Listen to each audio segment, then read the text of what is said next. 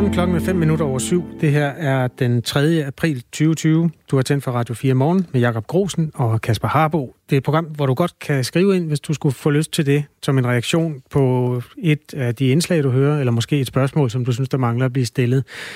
Øh, vi havde før nyhederne historien om, at det kan, øh, altså de ældre og svage, som har brug for at tage deres øh, hjemmehjælp med sig. I Kærtemene Kommune, der stilles nu spørgsmålstegn ved, om den service også øh, får lov at leve videre. Ja, det er den socialdemokratiske borgmester i Kærtemene, som, øh, som vi havde med her, som øh, har et forslag om, at man skal droppe, at ude kommuner, der hvor man tager til, hvis man har brug for hjemmepleje, skal stille hjemmepleje til rådighed. Øhm, der, der kom en sms. Og den lyder sådan her, ej, sorry man, hvis man kan tage i sommerhus, så kan man sgu også klare sig selv. Ved, det kan lyde hårdt, men helt ærligt, man skulle have tænkt over at sælge sit sommerhus og købe en au pair noget før. Det er et synspunkt.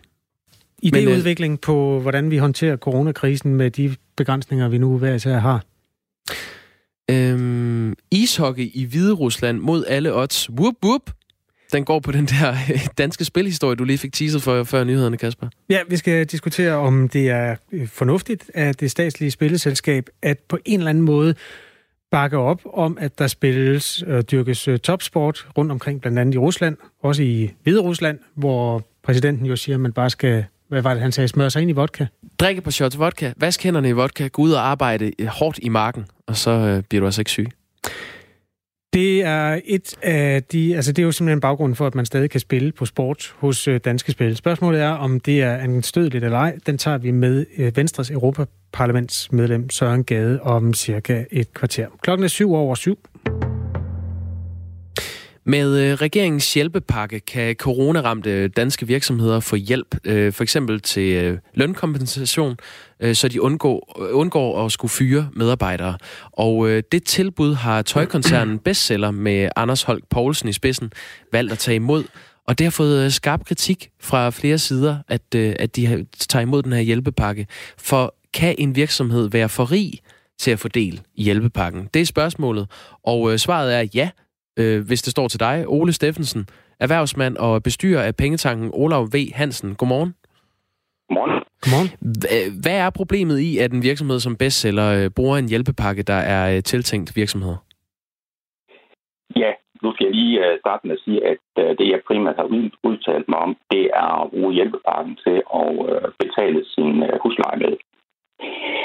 Og øh, jeg synes, at øh, det, der er problematisk i at bruge øh, hjælpepakken, det er jo, at øh, hjælpepakker øh, er sympatiske, og øh, de skal bruges til de mennesker, øh, som virkelig er værdigt trængende og som har behov for dem. Og man kan sige, at det her er jo ikke en isoleret øh, dansk debat, der har kørt en fuldstændig tilsvarende debat i vores nabolande, for eksempel i Tyskland, hvor Adidas jo også gik ud og sagde, at de ville ikke øh, betale deres husleje, og det medførte nogle meget, meget stærke reaktioner fra øh, politikere og befolkningen dernede. Øh, blandt andet et kvindeligt medlem af EU-parlamentet, som, som øh, sagde, at hun simpelthen synes, det var øh, lurvet, øh, at man brugte en bestemmelse, som var beregnet for virksomheder, som var i en eksistenskrise. Og, og, og det synspunkt er jeg helt med på. Man kan også sige, at det, der så er sket i Tyskland efterfølgende, er så, at Adidas har undskyldt af hele sides uh, øh, annoncer i medierne, og nu sagt, at vi betaler selvfølgelig vores husleje. Øh, milliardær bestsellerboss øh, Anders Holk Poulsen, øh, han har fyret 750 medarbejdere, og så har han sendt 2400 hjem, og så har han så, som du siger, nægtet at betale husleje for øh, sine øh, tøjforretninger. Alt sammen for at holde øh, coronaudgifterne nede. Øh, selv siger han øh, sådan her om, om hjælpepakken. Hjælpepakken er en rigtig god håndsrækning fra regeringen, og den betyder, at vi har kunne begrænse antallet af afskedigelser, selvom jeg stadig er ked af, at øh, det overhovedet har været nødvendigt at skulle sige farvel til meget dygtige og meget lojale kolleger. Øhm, han siger til sig selv, at de bruger også hjælpepakken til at begrænse antal fyrede. Øh, mener du, at det er i orden? Det har jeg ikke rigtig noget forhold til, fordi jeg vil sige, at det jeg jo sidder og kigger ind på, det er jo at kigge ind på en uh, koncern, som har det rigtig godt økonomisk, som de seneste fire år har haft øh, uh, milliarder overskud, uh, øh, cirka 2 milliarder kroner om året. Jeg er ikke i tvivl om, at uh, Bestseller en af de virksomheder, som har det hårdt på grund af coronakrisen. Men, uh, men der er bare virksomheder, der har det endnu hårdere end dem. fordi der er virksomheder, som simpelthen må ophøre med at eksistere, øh, og for, hvor folk mister deres, øh, deres livsværk. Og man kan også sige, i relation til bestseller, de her 8 milliarder, man har tjent over fire år, der har man jo benyttet en meget, meget stor del, nemlig 7,3 milliarder kroner, til at føre op i sit holdingselskab. Og der mener jeg simpelthen bare, at man må gå den anden vej og sige, øh, nu bruger vi lidt af vores egne penge. Og derfor så burde de altså betale huslejen til deres tøjbutikker? Absolut. Absolut.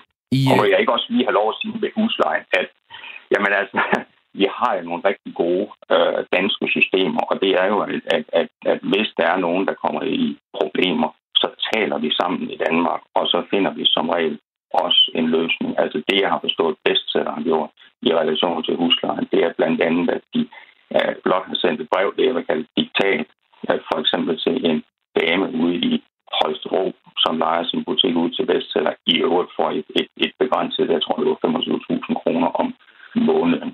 Og der må man jo ikke glemme, at det er jo altså bestseller, der er den stærke, og det er dem, der er magtfaktoren i det danske samfund. De penge, du, øh, du taler om, han har trukket ud, øh, Anders Holk Poulsen, kan du ikke lige øh, sætte nogle ord på, hvad, hvordan det er foregået? Jo, det er foregået, fordi han har en uh, selskabsstruktur, uh, hvor han i hvert fald har, uh, har tre uh, selskaber involveret. Han har uh, bestseller, AS, som vi alle sammen bedst uh, kender fra tøjbutikkerne, uh, både på nettet og i de fysiske butikker. Og ovenover det, der ligger der et holdingselskab, der hedder Bestseller United.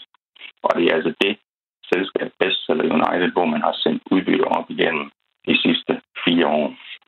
Man kan så også sige, at pengene kan sådan set sagtens komme tilbage, fordi skattelovgivning og så videre åbner fine muligheder for, at hvis man mangler likviditet i driftsselskabet, så kan man bare yde et lån. Det har ikke nogen skattemæssige konsekvenser, sådan at man skal, man skal betale skattepengene, og når, når man så ovenpå igen, kan man, kan man også føre lånet tilbage. Ole Steffensen, når du taler om det, det lyder næsten som om, du synes, det er, det er usympatisk, det er grådigt af bestseller og Anders Holk Poulsen. Er det sådan, man skal forstå det? Ja, ja det, er, det, er, det, er, det er det faktisk. Altså, jeg har det fuldstændig som, øh, øh, som, som man havde i, i Tyskland øh, omkring Adidas, øh, hvor, hvor man simpelthen siger, at det her det er ikke solidarisk. Og det var også det, Adidas gik ud og sagde i går i hele annonce, at de beklager det her, det er ikke en solidarisk handling.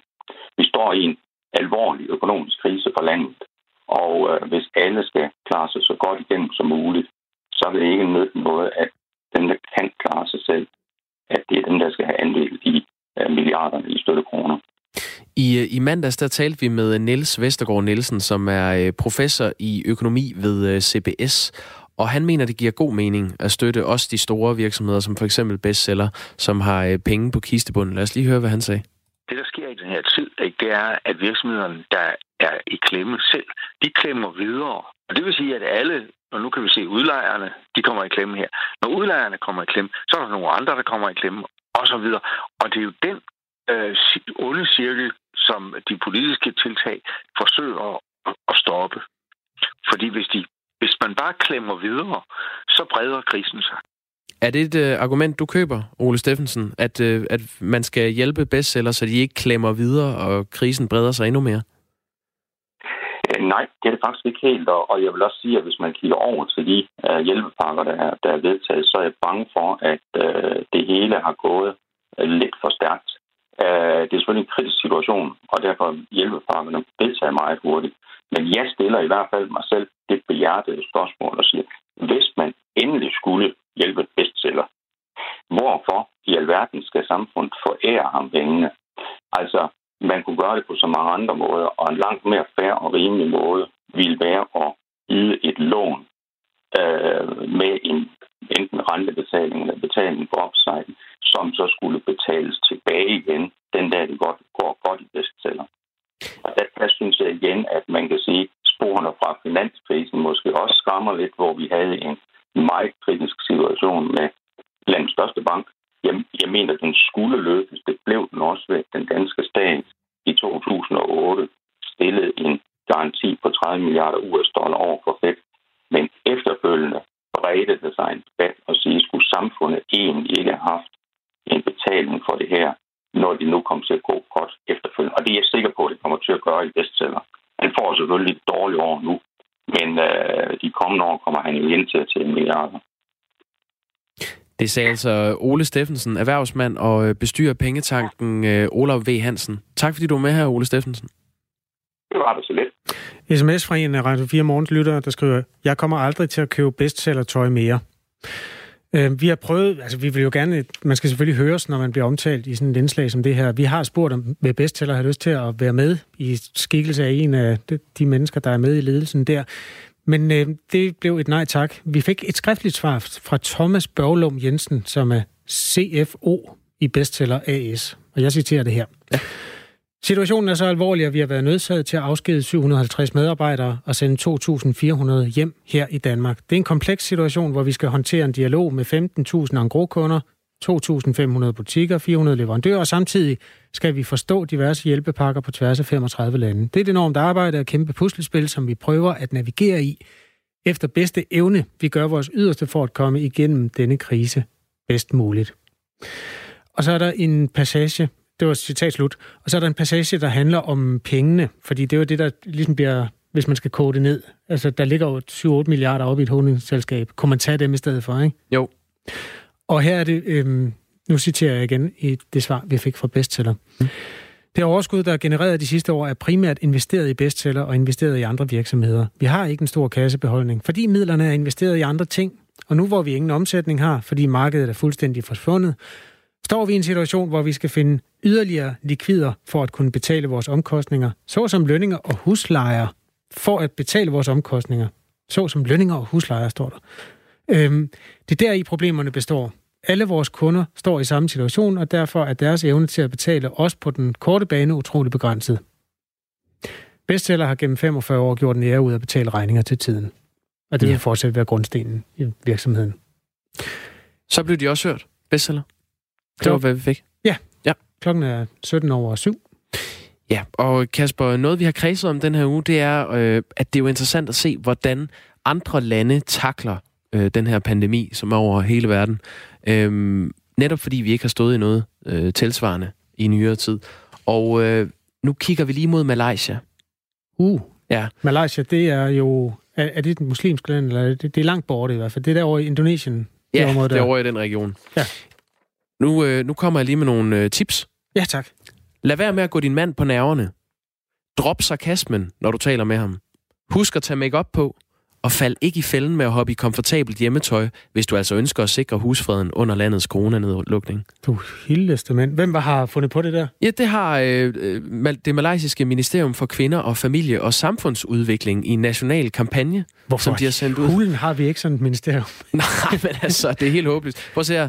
Øh, det er det australske medie ABC News og Reuters, der har skrevet om det her. Ja. Det er under hashtagget Women Prevent øh, COVID-19, øh, oversat til kvinder øh, forebygger COVID-19 der offentliggjorde ministeriet en række billeder på dens øh, Facebook-side og Instagram. Det er altså den her kampagne, og øhm, det du har fået der, det kan være, vil du beskrive det?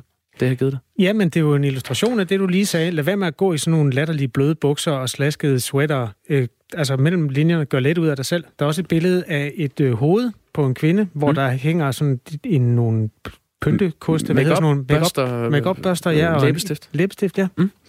Og så er der et billede af en kvinde, der sidder rank og og bare simpelthen knivskarp med hæle på ved sit øh, computer, øh, ved sin computer på et skrivebord. Ja, dress up for din mand. Det er i virkeligheden det, der bliver sagt. Øh, og det er så for at sikre øh, husfreden, at det malaysiske øh, ministerium lige stempler ind her. Øh, i, I et øh, andet opslag, der øh, bliver det illustreret med en, øh, en mand, der sidder i en sofa, og så kvinden står op og vifter med en pegefinger og siger noget grimt til ham, kan man se. Så skulle hun droppe sarkasmen.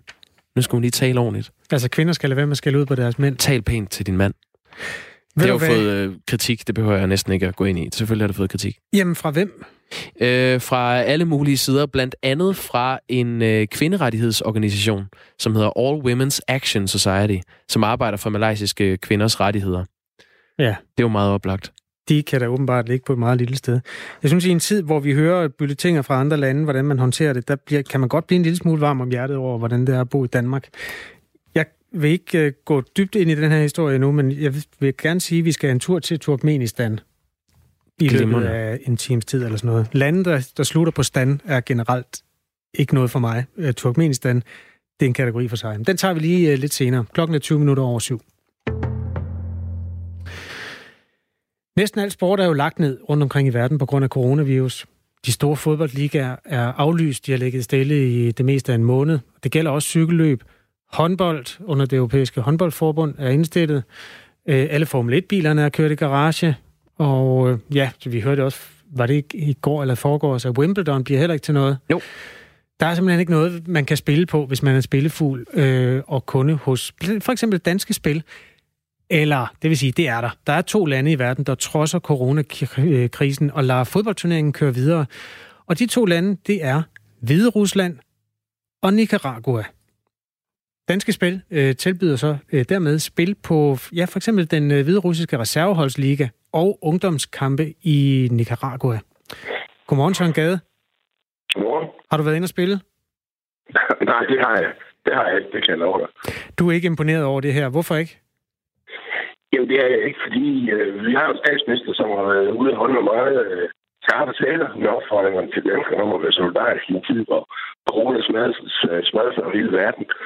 Og siger jo også, at det er ikke et samfund som øh, det, vi har normalt, og vi øh, dropper alle form for sport i Danmark, og, og, øh, og, og siger jo, at vi skal være solidariske med andre lande. Og det kan vi jo ikke være, hvis så et øh, statsejet firma, de så går ud og øh, opfordrer til spil i klubber, hvor fodboldspillere jo helst bliver fri for at spille fodbold.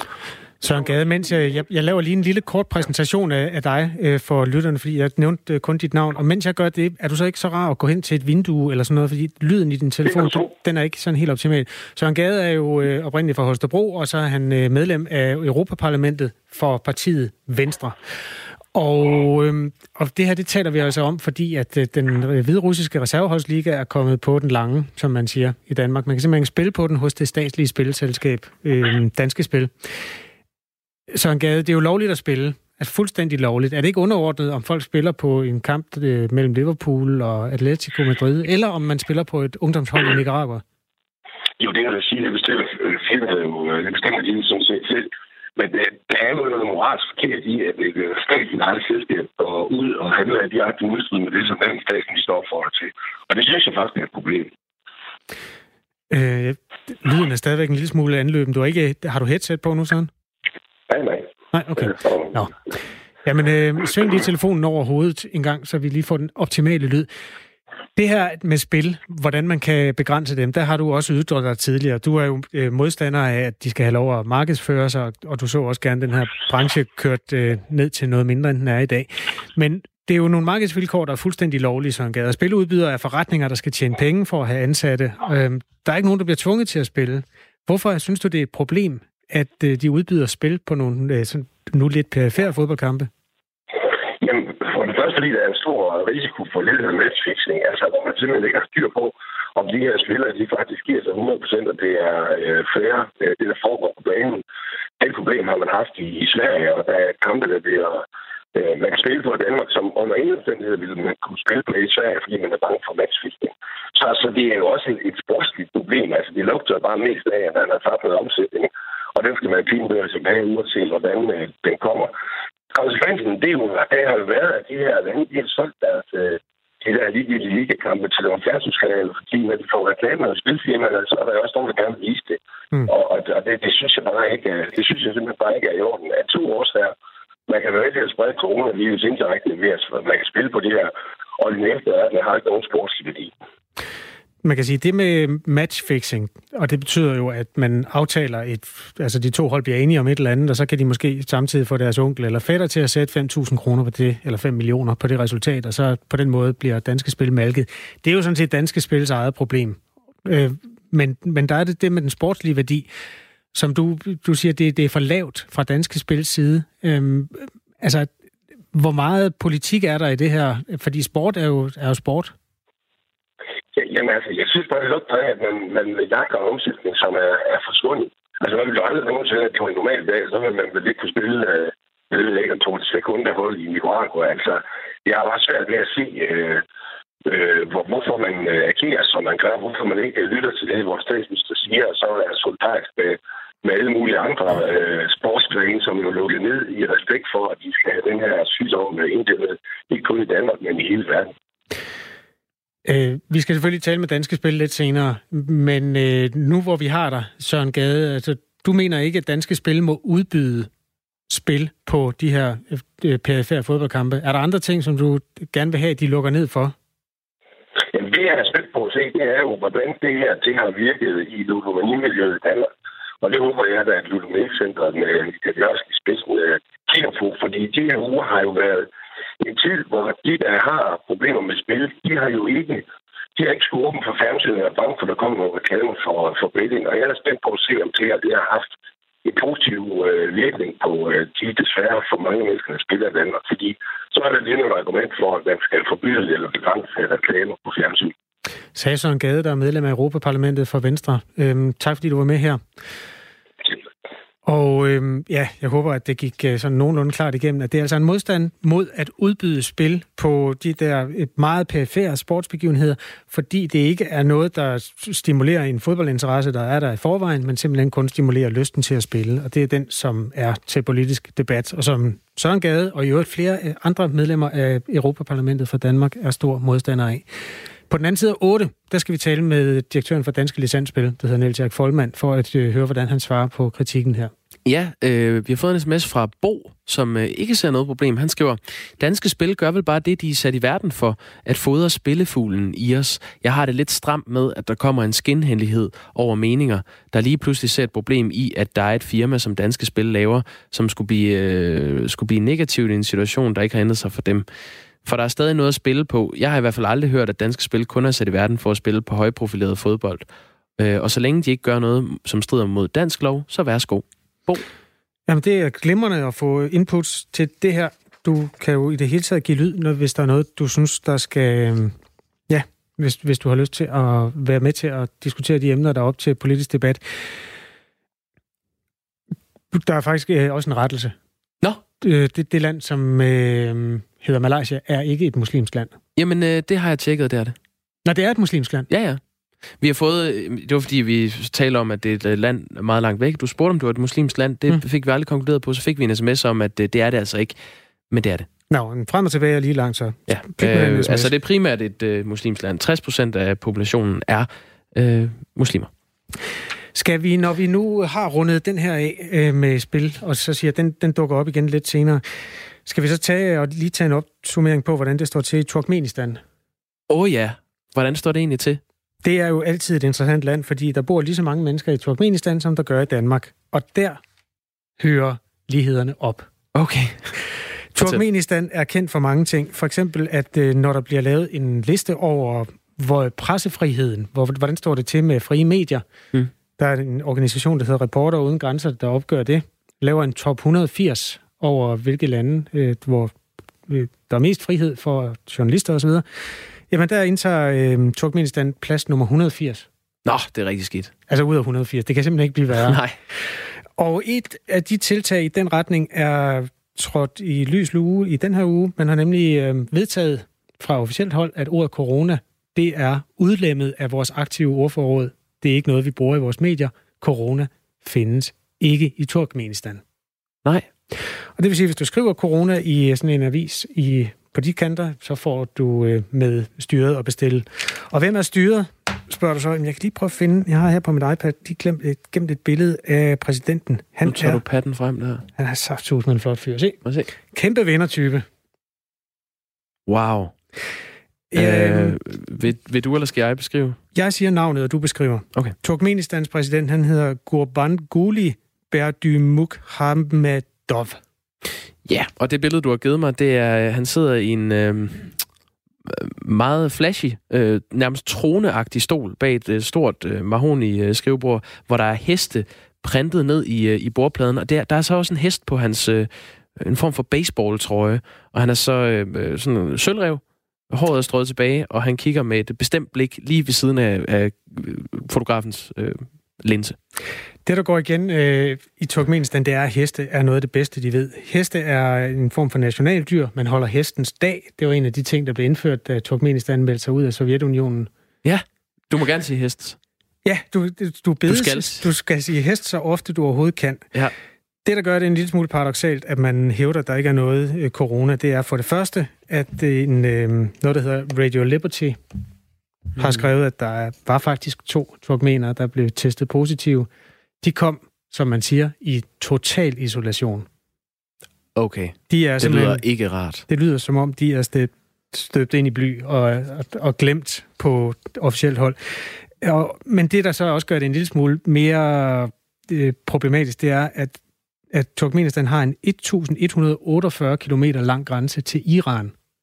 Uh, og Iran er jo hårdt ramt. Iran er et af de steder, hvor der er allermest corona i hele verden. Må du, øh, må du sige, må du tale rundt om det? Kan du omgå det ved at sige pandemi eller virus, eller er det helt no-go? Jeg er sikker på, at du ikke skal omgå noget som helst, når det kommer til Turkmenistan. Tak for det blik ud i verden. Velbekomme. Nu er klokken halv otte.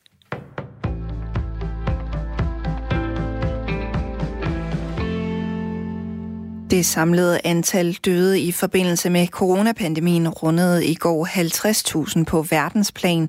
Det viser en opgørelse fra Johns Hopkins University. Det samlede antal bekræftede smittetilfælde har også rundet en million på verdensplan, og det er en markant stigning i forhold til bare for en uge siden, hvor der var bekræftet 529.000 tilfælde. Ud af de godt en million smittede, der er 208.630 erklæret raske igen. Coronaviruset det blev første gang registreret i den kinesiske Hubei-provins i slutningen af 2019, men har siden januar spredt sig til resten af verden. I flere uger der har Europa nu været epicenter for epidemien. Her er der registreret mere end 34.000 dødsfald blandt coronapatienter. En række repræsentanter fra det private erhvervsliv har i de her dage helt usædvanligt fået fast sæde i regeringens koordinerende organ, den nationale operative stab. Det skriver politikken. Henrik Møring fortæller. Med Rigspolitiet for bordenden har den nationale operative stab siden 1. marts haft til opgave at koordinere myndighedernes indsats og styre Danmark gennem coronakrisen. I en sidefløj i Rigspolitiets lokaler i Glostrup sidder repræsentanter fra Dansk Industri, Dansk Erhverv, Danske Rederier, konsulentvirksomheden McKinsey og Kammeradvokaten. Også danske nøglevirksomheder, som blandt andre Mærsk, Carlsberg og Novo Nordisk bidrager. Dansk Industris repræsentant i staben er direktør Lars Frede Petersen. Vi og andre private aktører hjælper myndighederne med at få løst de opgaver, der knytter sig til at udvide både testkapaciteten og omfanget af værnemidler, siger Lars Frede Petersen til avisen. I Folketinget er partierne ikke blevet informeret om de private aktørers rolle i den nationale operative stab. Få uger efter at dagligvarerbutikkerne de meldte om rekordsalg og flere tomme hylder som følger af hamstring, så er salget faldet drastisk i flere af Selling Groups butikker. Det skriver Dagbladet Børsen. Salget af fødevarer det vokser stadig, men alligevel så har koncernens Føtex-butikker mistet omkring halvdelen af det normale salg, mens flere bilkaforretninger har set omsætningen falde med 20 procent. Ifølge topchefen for Selling Group, Per Bank, så er det særligt ændrede indkøbsvaner hos kunderne og tvangsnedlukningen af storcentre, som har fået salget til at dykke. De usædvanligt lave omsætningstal har særligt ramt salget af varer som tøj, elektronik, legetøj og boligtilbehør. Varegrupper, som normalt står for ca. 50 procent af omsætningen i Bilka og 30 procent i Føtex.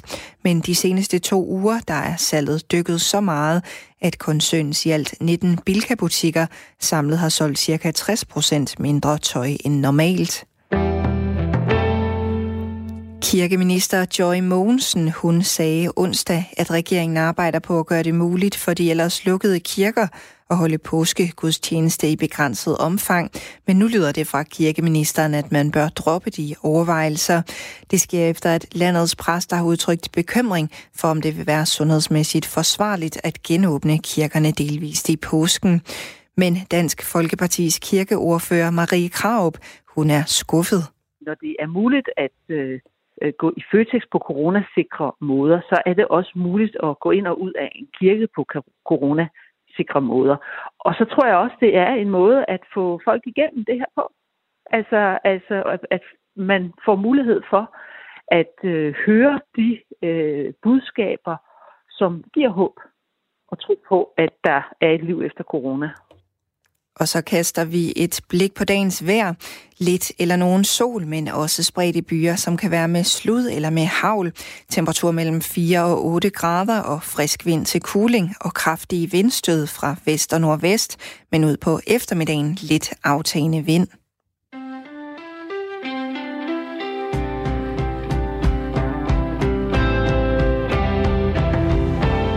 Den måde, man skriver ind til Radio 4 morgen på, er ved at tage sms, eller tage telefonen frem, skrive til 1424, og inde i beskeden starter du med R4 og et mellemrum, og så er den besked, der for eksempel kan lyde som den her, Mikkel har sendt.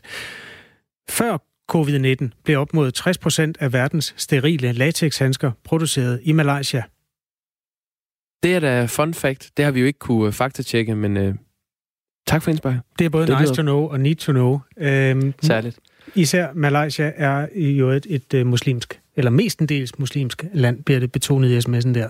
Man er velkommen til at supplere. Det er ikke alt, vi ved, og nogle gange glemmer vi at spørge om det åbenlyse. Så sid klar, hvis øh, du vil være med til at lave Radio 4 morgen. Klokken er 7.36.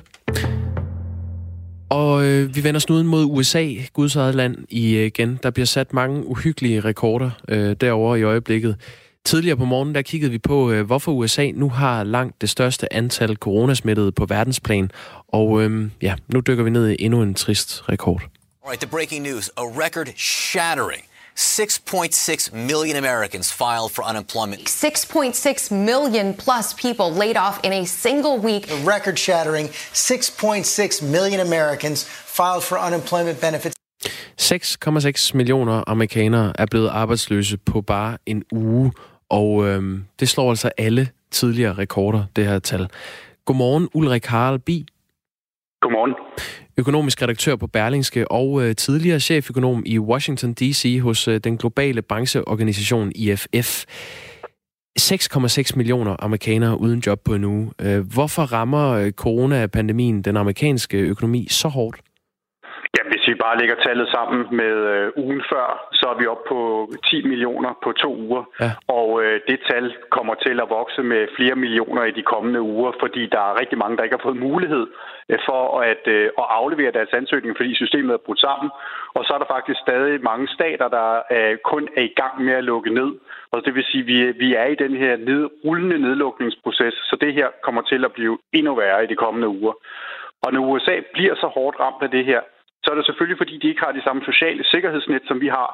Øh, det er en vigtig faktor, og det er også en vigtig faktor i, at man sender en check ud til husholdningerne, fordi der er rigtig mange af dem, der simpelthen ikke kan håndtere øh, uforudsete udgifter, selv hvis de har fuld indkomst. Og så er der det, at USA er meget en oplevelsesøkonomi. Folk går meget ud, folk spiser meget ude, øh, folk bruger meget forlystelser, hvor vi jo har en tendens til ofte at mødes i hjemmet og lave mad selv så gør USA det på en helt anden måde. Og det vil sige, når man har et meget udadvendt samfund, som så bliver lukket ned, så rammer det ekstra hårdt end herhjemme, hvor der måske er mange, der sidder i et parcelhus i en forstad, som siger, at vores hverdag er måske ikke helt så anderledes, end den ellers ville have været. Man har haft øh, fire års jobfremgang i, øh, i USA, og øh, nu, som du sagde, 10 millioner amerikanere har meldt sig ledige over de sidste to uger. Det vil sige, at, at de fire års øh, fremgang på, øh, på jobfronten er gået tabt på bare 14 dage. Øh, økonomer forudser, at den amerikanske arbejdsløshed kan stige til 13, million, øh, 13 procent i, øh, i maj, og præsident Trump og kongressen har godkendt en hjælpepakke til 15.000 milliarder kroner, som skal komme øh, de borgere og virksomheder til, til undsætning, som er økonomisk ramt af den her krise. Øhm, det er jo den største hjælpepakke i USA's historie. Øh, er den stor nok? Det kommer an på, hvad det er, den skal. Altså, hvis den er stor nok til at undgå en recession, så er svaret klart nej. Øh, men hvis den er stor nok til at forhindre, at det bliver endnu værre, så er den stor nok. Den, det her kommer til at blive fuldt op af yderligere hjælpepakker. Ligesom herhjemme, så er hjælpepakkerne jo beregnet på, at det her bliver kortvarigt. Og der må man sige, der er måske større chance herhjemme for, at vi kommer hurtigere i gang, fordi vi resolut greb ind på et tidligt tidspunkt. Men igen, USA har jo ikke den samme resolute indgriben over for smittespredning, og derfor er det nok noget, der kommer til at, øh, at hænge længere i amerikansk økonomi. Og fordi så mange husholdninger i USA er presset økonomisk, så bare det, I nævnte før med, med omsætning i bilkæm, man holder op med at købe ting, man ikke har behov for. Altså alle går i en eller anden økonomisk forsvarsposition. Også selv folk, der er i beskæftigelse. Så det betyder, så holder de op med at gå til psykolog, fordi de sparer på de penge, så, har, så er der en psykolog, der bliver arbejdsløs. Øh, så holder virksomheder op med at købe konsulentydelser, selvom de egentlig godt kunne, fordi de holder på kontanterne. Så det får de her øh, snibboldeffekt rundt i økonomien, og det går bare meget, meget hurtigt i USA. Som sagt, fordi sikkerhedsnettene ikke er specielt udbredte, øh, og fordi det er ret nemt at fyre folk, øh, så er det også den vej, man hurtigere går. Men øh, det er klart, at man får nogle meget, meget voldsomme følgevirkninger, og 13 procent kan godt gå hen og være konservativt, når vi kigger på tallene for de to sidste uger, og hvad der venter i de kommende uger. Man taler jo nogle gange om øh, sommerfugle vingeslagets effekt, at øh, ja, hvordan det kan påvirke resten af verden. Og det her det er jo en, en kæmpe amerikansk ørn. Dan, øh, USA er Danmarks største eksportmarked. Hvad, hvad betyder den øh, økonomiske krise i USA for Danmark? Jamen, det, vil sige, det, det rammer os jo mange år og veje. For det første rammer det os direkte på, øh, på eksporten, men det rammer jo hele verdensøkonomien. Så det er jo et spørgsmål også om, hvordan, altså hvis, hvis USA går igennem en dyb recession, så, øh, så kan jeg godt lade kode på blokken på, at øh, så gør hele verdensøkonomien det også. Så det er noget, vi, vi mærker hele vejen rundt. Og så mærker vi det jo faktisk også ved, at det netop er usikkerheden om smittespredningen og hvor dyb øh, recessionen bliver i USA, som er med til at skabe turbulens på de finansielle markeder og trække aktiekurserne ned. Så det er også noget, vi mærker på vores formuer den vej. Så vi mærker det hele vejen rundt, og sådan er det, når verdens førende land er blevet ramt af noget, som man må kalde den perfekte storm. Mm. Hvor hurtigt kan en økonomi som, øh, som den amerikanske komme sig over sådan en krise? Øh, det, det, det kommer an på, hvor hurtigt man får tilliden tilbage igen. For det første så er der allerede nu, og det gælder også herhjemme, og det er derfor, det er så vigtigt at få en kontrolleret genåbning i gang, at man skal have et økonomisk håb. Og, øh, og der er meget frygt i den amerikanske befolkning. Det er jo ikke verdens sundeste befolkning. Der er jo rigtig, rigtig mange mennesker, som har kroniske sygdomme, som de lever fint med i øvrigt øh, men hvor det her jo er en ekstra risikofaktor. Så spørgsmålet er, hvor mange der kommer til at selvisolere sig selv på den anden side af, af hvor man begynder at åbne op igen. Også fordi der vil være mere øh, smittespredning i USA i længere tid. Øh, og, og det er noget af det, der, er, der gør, at det kan sætte sig rigtig, rigtig længe, og, øh, og så kan arbejdsløsheden altså ikke stige med, med de tal, vi ser nu, men den kan faktisk blive ved med at stige længere, end, øh, end man går rundt og håber. Der er jo sådan lidt en tro blandt økonomer på, at når man får et dybt slag ned, så får man tilsvarende hurtigt opspring på den anden side. Det så vi altså ikke under finanskrisen, og jeg tror heller ikke, vi kommer til at se det denne gang. Tværtimod tror jeg, at det bliver relativt fladt. Og, og det er noget af det, som gør, at man nok også i USA ret hurtigt begynder at tale om, ikke om redningsgrænse, men om, hvordan man skal få stimuleret økonomien på den anden side.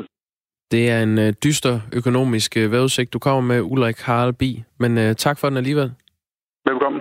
Økonomisk redaktør på Berlingske.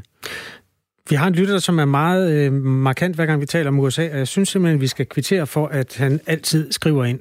Så er det tid til den daglige Trump Hate Festival, skriver lytteren her. Ja, jeg så den godt. Jeg, jeg har nævnt Trump én gang, og det var bare, da jeg nævnte, at øh, præsident Trump og kongressen har godkendt en hjælpepakke til 15.000 milliarder kroner.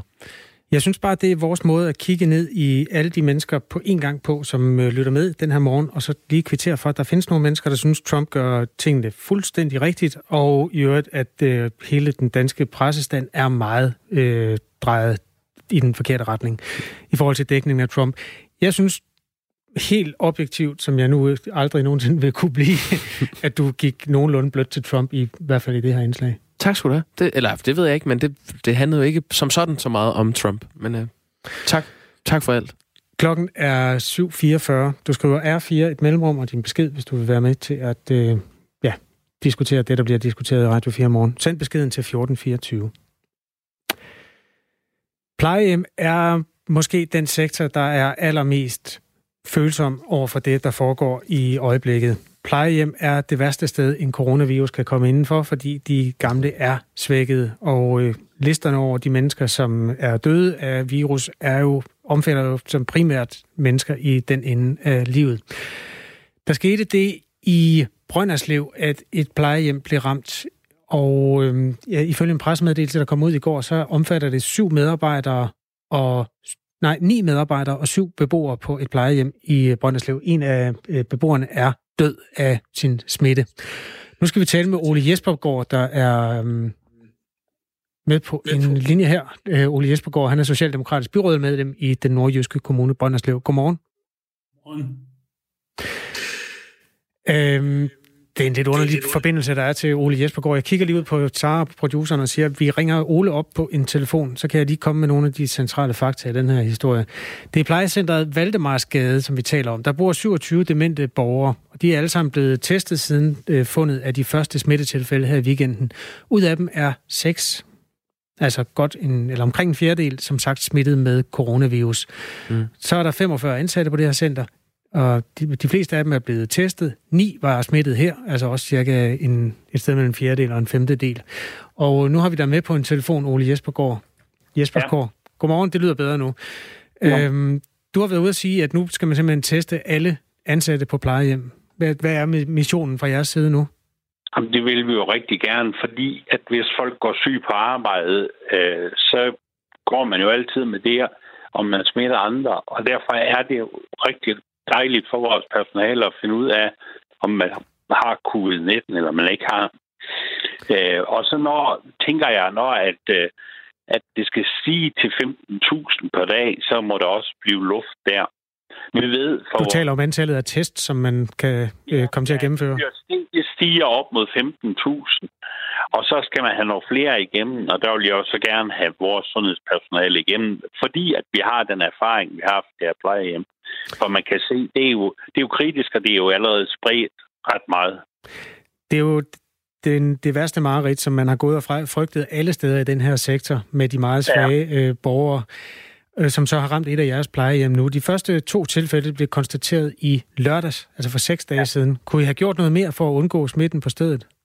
Jamen, vi har selvfølgelig spurgt efter. Vi har jo haft sådan et øh, ekstraordinært udvalgsmøde, og vi har jo og hele byrådet har fået øh, orienteringen. Altså det, man kan jo sige, i bagskabens klare lys kunne godt være, at man kunne have gjort det bedre. Men vi ved i hvert fald, at efter vi har fået konstateret, så har vi handlet, som vi skulle. Øh, det tænker jeg er det vigtigste. Øh, jeg tænker, at det lige så godt kunne komme der, som alle mulige andre steder.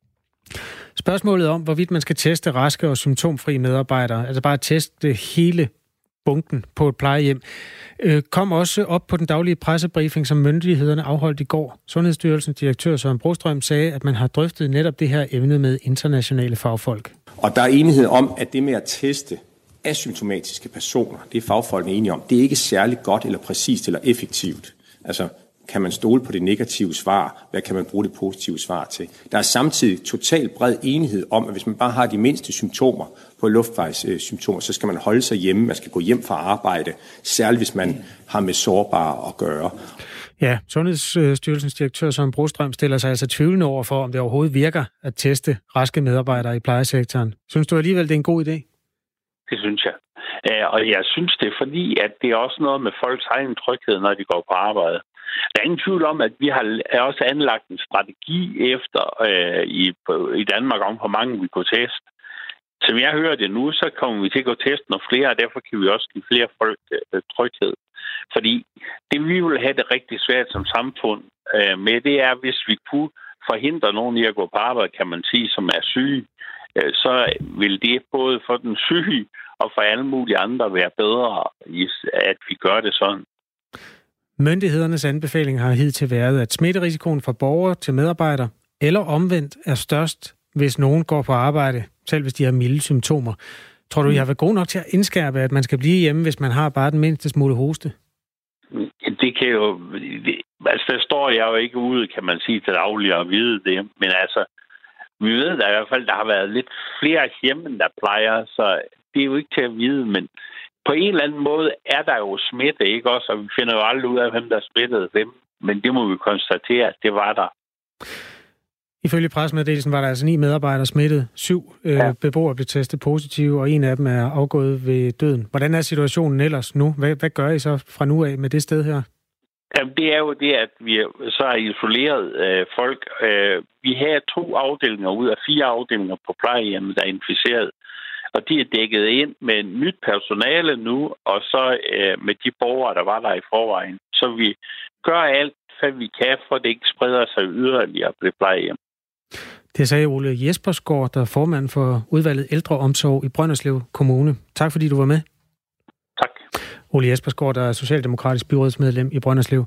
Også på plejehjemmet 3 kroner i Roskilde har flere medarbejdere gået på arbejde uden symptomer, selvom de viste sig at være smittet med coronavirus. Det skriver TV2. Og på det plejehjem, der var mindst fire beboere smittet. Der har også været en tilsvarende sag på et aarhusiansk plejehjem. Øh, Radio 4 har ragt ud til sundhedsminister Magnus Heunicke for at høre, om det er muligt at få testet alle medarbejderne på plejecentrene. Der er ikke øh, svar på den sag endnu. Siden den øh, 13. marts er tusindvis af danskere øh, vendt hjem på opfordring fra øh, statsminister Mette Frederiksen ude fra, fra verden. Men mange danskere er også strandet rundt om, øh, fordi coronaviruset har lammet flytrafikken. Sandra Vending Dam, godmorgen, eller god aften, eller god eftermiddag, hvad det nu er hos dig. Du er i byen øh, Hoi An i øh, Vietnam sammen med din mand og etårige barn. Ja, det er korrekt. Og, ja. og god middag herfra. God middag, det var der, den var.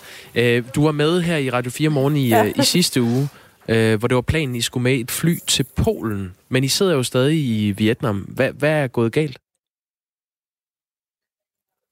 Øh, vi var så heldige, som nu engang, en gang man kan være, når man har et lille barn, at vores datter fik skoldkopper, øh, cirka samtidig med, at flyet skulle lette, eller vi fandt ud af, at det var skoldkopper, cirka samtidig med. Øh, og når man får skoldkopper, så må man ikke flyve, før end at øh, man er erklæret rask igen. Så I er i karantæne, så, øh, men ikke for corona? Så nu kommer skoldkopper, så vi venter. Nej, lige præcis. I, I Vietnam er 134 øh, bekræftet smittet med coronavirus, men ingen er døde. Øhm, Sandra Vending Dam, hvordan takler de vietnamesiske myndigheder og, og befolkningen øh, coronasmitten? Jamen altså, hvad vi ser herfra, virker det til, at de, de takler det på en fornuftig og god måde. De tager meget, meget øh, stramme forholdsregler i forhold til at begrænse og inddæmme smitten øh, da deres hospitalsvæsen ikke er så stærkt, som det er derhjemme i forhold til at kunne håndtere store øh, smittespredninger. Så derfor øh, prøver de at dæmme smitten ind, så den ikke spreder sig i stedet for. Og befolkningen ser ud til i langt flest tilfælde at, at følge pænt med. Men hvad, hvad er så jeres plan nu, altså når jeres øh, datter har, har skoldkopper, og I sidder der i Vietnam? Jamen, vi er næsten, næsten daglig kontakt med øh, ambassaden i, i Hanoi omkring, hvad, hvad der kan gøres. Øh, indtil hun har papirer fra hospitalet på, at hun er erklæret rask, kan vi ikke rigtig begynde at planlægge en hjemtur, da alle hjemrejserne øh, og alle udmeldingerne fra regeringen hernede osv. skifter nærmest fra dag til dag. Så det vil ikke give meget mening at lægge, prøve at lægge nogle rigtige planer. Vi holder os selvfølgelig opdateret på, hvordan situationen udvikler sig, og hvilke særfly, der bliver sat ind, og hvornår, og prøve at se, om, om der kommer nogle muligheder. Og så har vi kontakt med en rejseagent i Danmark, som også holder øje for os. I skulle jo oprindeligt have været øh, hjemme i Danmark nu. Øhm, fortryder du, I tog afsted, når I nu sidder i Vietnam uden nogen øh, hjemrejsedato? Øh, nej, det gør jeg ikke, fordi at jeg vil sige, nu er det coronavirusen, der ramt, men hvis man skulle blive væk på grund af noget, der på det, vi tog afsted på det tidspunkt, var så en lille risiko for, at det ville ske, jamen så skulle vi jo blive hjemme altid, for der kan jo altid gå noget galt. Øhm, og jeg tror, at vi, vi har den holdning, at man må jo prøve at få det bedste ud af det, der nu engang kommer, ellers så vil det godt nok blive et meget, meget roligt liv med bare at sidde derhjemme og være bange for, hvad der sker ude i verden. Sander Vindingdam, øh, god bedring til den lille, og vi håber, I snart finder en eller anden vej jo. hjem til Danmark. Mange tak.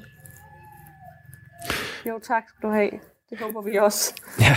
Skoldkopper forekommer jo lige pludselig at være en meget fred... Eller det er en meget fredelig sygdom. Der er ikke uh, nogen meget bekendt, der dør af den. Den kan godt give lidt larm, når man har et lille barn. Har, har I været der med Elinor? Øh, nej, men øh, vi har selv haft det som små. Det er jo slemt at få som voksen.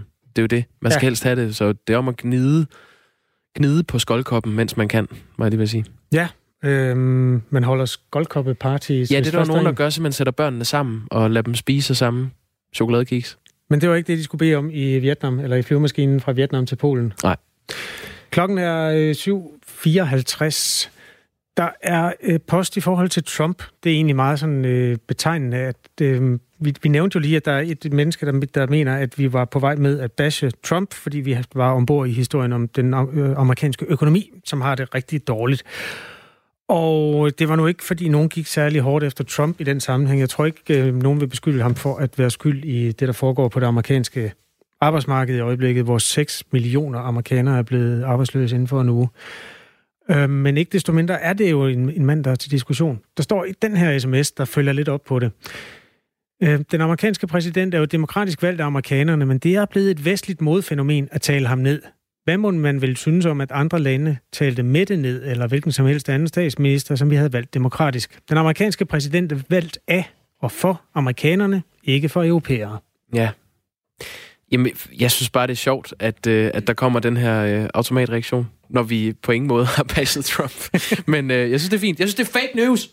Trump, Men, øh, han, er, han er en deler. Altså den der med, at han kommer og vil købe Grønland, det er simpelthen... En, det, der, der må man forvente en reaktion, vil jeg bare sige, som en mand, der har, der har boet og, og vokset op med en form for øhm, en verdenssyn, som handler om, at når et land er suverænt, så køber man det ikke. Nej, men det er jo, Trump er jo ikke den første amerikanske præsident, der har forsøgt at købe Grønland.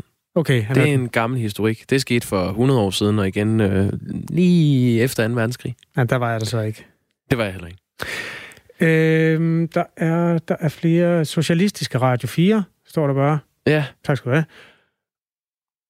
Og øh, danske medier har som bekendt alt imod Trump. Pivdyr. Øh, jeg synes, vi skal sige, at øh, altså for at være helt ærlig, jeg tror, at øh, journaliststanden med mennesker, som er vant til at øh, begå så meget med ord, der tror jeg faktisk også, at øh, Barack Obama havde en anden gennemslagskraft, fordi han simpelthen var så dygtig en taler. Altså Trumps retorik er en anden. Det er den. Der fornærmer man ikke nogen. Nej, det, han er en anden person end Obama. Ja, Obama... Og, øh, ja. Der vil jeg hverken forholde mig til, om jeg synes, det er godt, eller om jeg synes, det er skidt. Så er klokken blevet 7.57, og øhm, jeg ved ikke om...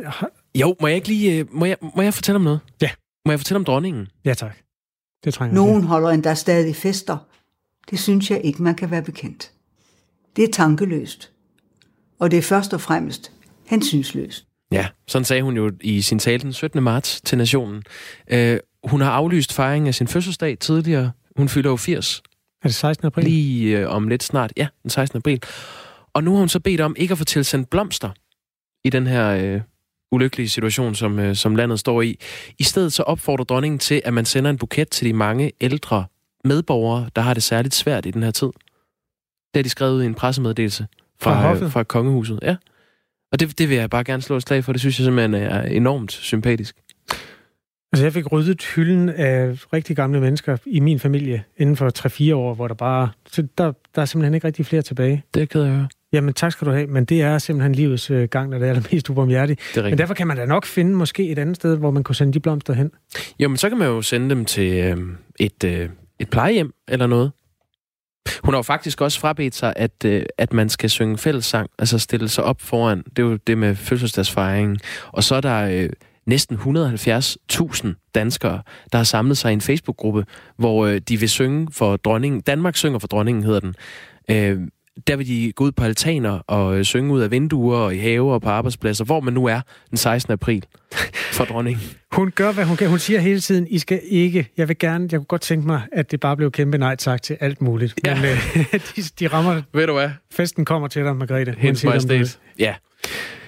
Det var bare sådan en lille øh, opdatering på det. Ja, i en periode, hvor det jo øh, er faktisk rimelig farligt at fylde 80 år. Det viser alle de statistikker, som øh, handler om coronavirus. Men jeg desværre. tror dog, at man er okay stillet øh, på et slot.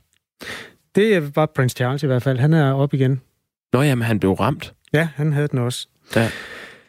Radio 4 Morgen skal efter øh, de nyheder, som Tine Ribergaard leverer, en tur omkring danske spil. Vi har tidligere rejst kritikken fra Europaparlaments medlem Søren Gade. Han er venstremand, og han synes, det er fuldstændig forkasteligt, at danske spil udbyder vedmål på øh, perifære fodboldkampe fra Nicaragua og Hvide Rusland. Mm. Det er ikke øh, noget, der har med sport at gøre. Det er simpelthen kun noget, der holder hånden under en gamblingindustri, som Søren Gade er modstander af. Vi skal tale med øh, Niels Erik Folmand, der er direktør for Danske Licensspil, og dermed også for Den Lange, som er det der folkelige udtryk for den der meget lange liste, som ikke er så lang nu om stunder, over øh, hvilke fodboldvedmål man kan indgå hos Danske Spil. Ja, så følger vi op på øh, udviklingen i, øh, skal kirkerne være åbne eller lukket i øh, påsken? Nu er det blevet besluttet, at de skal være lukket, efter at øh, kultur- og kirkeminister først fik sagt onsdag, at de skulle være åbne, og så sagde præsterne, det synes vi ikke er forsvarligt, og så sagde hun i går, at de skal være lukket. Det er øh, Marie Krav, kirkeordfører i Dansk Folkeparti resten over. På den måde øh, er der altså en masse, vi kan debattere. Husk, du er velkommen til at skrive ind på de emner, du hører. R4 starter du med, så havner den hos os, og et mellemrum, og så send den til 1424. Du lytter til Radio 4 morgen.